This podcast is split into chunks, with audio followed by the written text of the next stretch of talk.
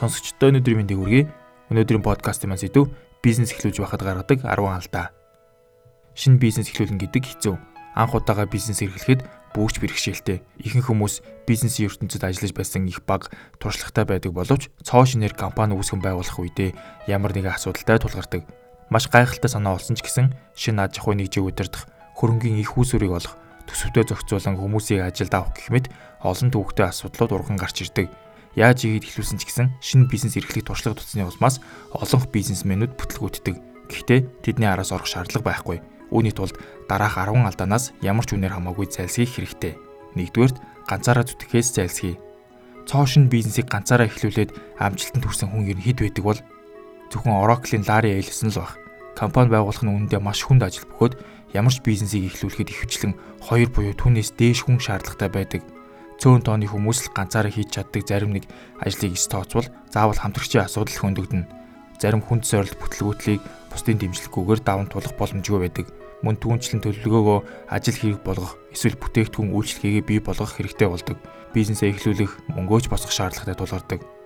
Энэ бүх асуудлыг шийдэх нь үнэхээр толгой иргэм ажил юм. Найз нөхөд мэрэгжлийн хүмүүсээс тусалцаа авах нь бизнесээ шинээр эхлүүлэхэд баггүй тус болно. Хоёрдугаар бизнес төлөвлөгөөгөө халтурдах бизнес төлөвлөгөөгөө хэр найдвартай хийснээр таны ирээдүйн амжилт тодорхойлогдно. Бизнес төлөвлөгөө нь таны бизнесийн хувьд амин чухал доорх асуудлуудыг тодорхойлоход оршдог. Үүнд компани юунд хүрэхийг тэмүүлж байгаа вэ?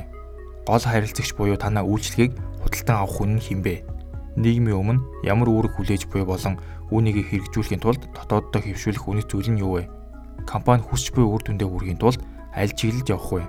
Компани өрсөлдөгч юм бэ? Тэд юу хийж байна вэ?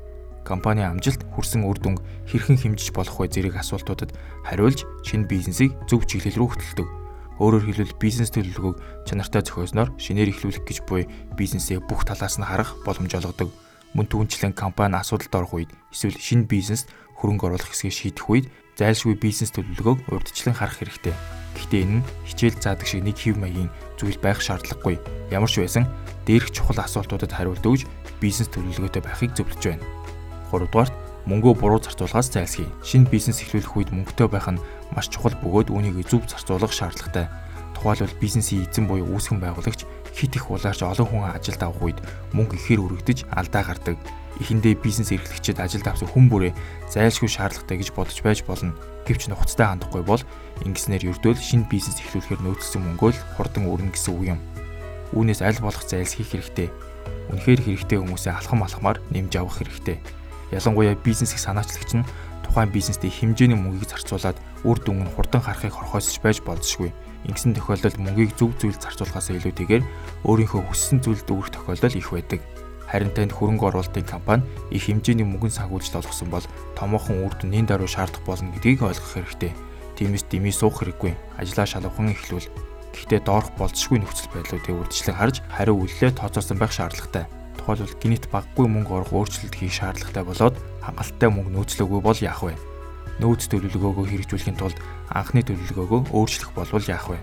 Хөрөнгө оруулагч амлалцнаасаа буцах буюу харилцагч мөнгөө төлөхгүй бол яах вэ? Бизнесийг урьдчилуулах чухал хэсэг нь төсөөснөөс хит үнэтэй байвал яах вэ? Ийм нөхцөлд зарцуулах мөнгө байгаа юу гэх мэт. Санхүүгээ зөв удирдах зарцуулахгүй бол шинэ бизнес хизээж амжилтанд хүрч чадахгүй байж магадгүй.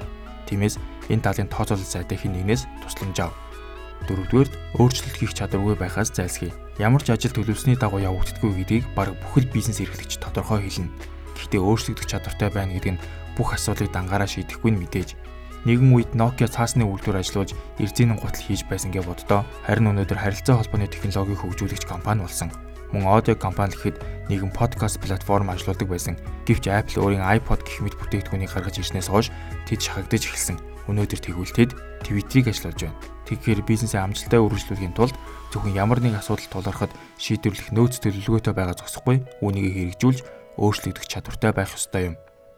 5 дугаарт хэд жижиг сэтгэхээс зайлсхий. Хэрвээ бизнес эрхлэгчид хэд өчүүхэн зах зээлд чиглэж явбал амжилтанд хүрэхгүй. Гарааны бизнесийг тэтгэгч Y Combinator-ыг үүсгэн байгуулсан Paul Graham энэ тухай өөрийн бичсэн шинэ бизнесийг устгадаг 18 алдаа номондоо энэ талаар Олон бизнес эрхлэгчид ширүүн өрсөлдөөнөөс зайлсхийхийн тулд жижиг зах зээлд орох нь аюулгүй гэж үздэг. Гэвч хэрв чиний хийж байгаа ажил амжилт олоод л эхэлбэл өрсөлдөөн дагаад л нэмэгдэнэ. Эцсийн дүндээ өрсөлдөөнөөс зайлсхийх аргагүй болдог. эсвэл чи толгойдоо байгаа сайхан санаанасаа татгалзах хэрэгтэй хэмээсэн байдаг.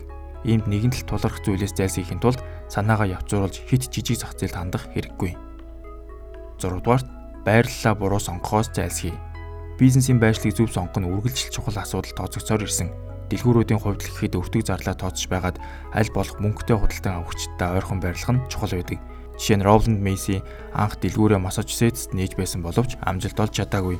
Тэр юун дээр алдаад байгаагаа ойлгосны үндсэн дээр дэлгүүрээ нүүлгэж Нью-Йорк хотын алдартай 6 дугаар өргөн чөлөөнд байрлуулсан. Энд ирснээр бизнесийн цэцгэлэн хөгжиж жижиглэн худалдааны салбартаа цуутай Macy's сүлжээ дэлгүүр болтлоо өргөцсөн юм байршил чухал болохыг нотолсон өөр олон жишээг Silicon Valley, Seattle, Portland, Boston зэрэг хотуудаас түрэн гарсан технологийн компаниудаас харж болно. Мөн байршил яагаад чухал вэ гэдгийг өөр талаас нь харж болно. Энэ бол хөрөнгө оруулагчийн байршил юм. Ихэнх венчур хөрөнгө оруулагчид машинаар ердөө нэг цагийн дотор явж хүрдэг газруудад л хөвчлэн хөрөнгө оруулалтаа хийдэг болохыг Graham судлан тогтоожээ. Энэ нь магадгүй хөрөнгө оруулагч шинэ бизнесийн талаарх мэдээллийг өөрийн танил, ойр дотны хүмүүсээс олж мэддэгтэй холбоотой байж болох юм. Тиймээс мөнгө л босгох гэж байгаа бол мөнгөтэй хөрөнгө оруулагчтайгаа ойрхон байршил сонгох нь зөв. 7 дугаарт зүүн совиндоо итгэхгүй байх. Бизнес эрхэлж буй хүний зүүн совинтой зөвлөлөх зүйл үгүй юм. Олон хүн анхны бизнесээ амжилттай болгосон үнтэй ч холбоотой байж болзошгүй. Тиймээс зүүн совингоо таньж сонс, үүнийг давуу талаа болгон ашигла. Гэхдээ зүүн совингоо бодит тоон үзүүлэлтүүдтэй хослуулан хэрэгэл. Жишээлбэл судалгаанаас гарч ирсэн зах зээлийн хандлагыг илэрхийлсэн тоонууд тухайн салбарын гол гол үзүүлэлтүүд гих мэт тоон шинжилгээг хослуулах нь зүйтэй юм. 8 дугаар цагаа олоогүй үедээ бизнесээ эхлүүлэхээс татгалз. Шинэ бизнес эхлүүлж байгаа бол цаг үеэ олох нь хамгийн чухал. Эдийн засгийн хямрал зэрэг тооцоолох аргагүй хүчин зүйлээс бусдыг нь тооцоолж бизнесийг зөв цаг үед нь эхлүүлж болно. Үүнд шинжлэх ухааны нарийн арга судалгаач шаардлагагүй. Зүгээр л хит яруу эхэлсэн эсвэл хит удаан хүлээж байгаагаа ойлгож мэдрэхэд л хангалттай. Шинэ бизнесээ хитрхи эрт эхлүүлэх нь компаниг бүхэлд нь эрсдэлд оруулж болзошгүй Ялангуяа шинээр гаргаж буй бүтээгдэхүүн үйлчилгээ нь үнэхээр хүмүүст хэрэгтэй зүйл мөн үү?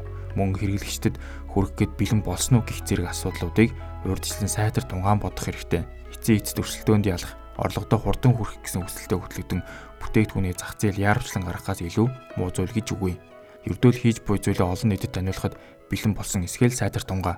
Мөн хитрхи удаан хүлээх шаардлагагүй хит удаан хүлээснээр өөрийн хөрөнгө нөөцөө шавхаж дуусах эрсдэлтэй үдээгүй өрсөлдөгч чинь төрүүл зах зээл гарч ирээд байр сууриа эзлэх аюултай. Бүх зүйлийг шалга. Гэтэ бүү алгуурал эхлүүлэх хугацаагаа товлоод ихэл. 9-р хүмүүсийг ажилд авахдаа буруу хандхаас зайлсхий. Та хүн ажилд авахдаа хит яарад байгаа юм шивэз. Гэхдээ зөв хүнээ хайж олох хүртлээр ажилтнаа үе үе солих тохиолдолж гардаг. Компани төлөө ажиллах сэтгэлгүй хүн авах эсвэл танил талаа хараад ур чадвар тутмаг хүн авах гэх мэт шалтгаануудын улмаас олон шинэ бизнес бүтлгүй болдог. Хувийн ааш араншингаасаа болоод багийн бусад гишүүдтэйгээ таарахгүй хүн авчих бол мөн л ижил асуудал үүснэ шинэ бизнес эхлүүлж байгаа үед зөвхөн ур чадвартай хүмүүсийг л ажилуулах нь зүйтэй. Мөн альва зүйлийг баримжуулж явах хэрэгтэй.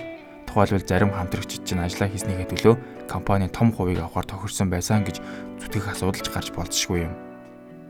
10 дугаарт гадны нөлөөнд хит автгаас зайлсхий. Хөндлөнгийн хүнээс зөвлөгөө шүүмжлэл аль алийг сонсох нь зарим үед маш ач тустай байдаг.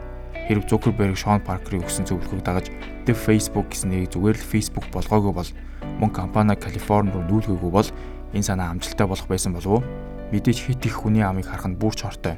Компани хөгжих явцад олон хүнтэй уулзаж ярилцах хэрэгтэй. Тэд юуг яаж хийх нь хамгийн зөв болохыг хэлж өгөх болно.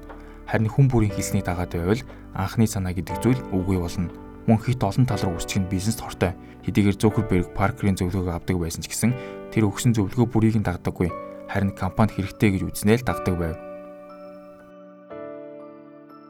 Хэрэгтэй подкастын маань энэ удаагийн дугаарыг төрөд өндөрлөж байна та бүхэнд хэрэгтэй зүйлийг хүргэсэн байхаа гэж найдаж байна. Дараагийн дугаар хүртэл түр баяр таа.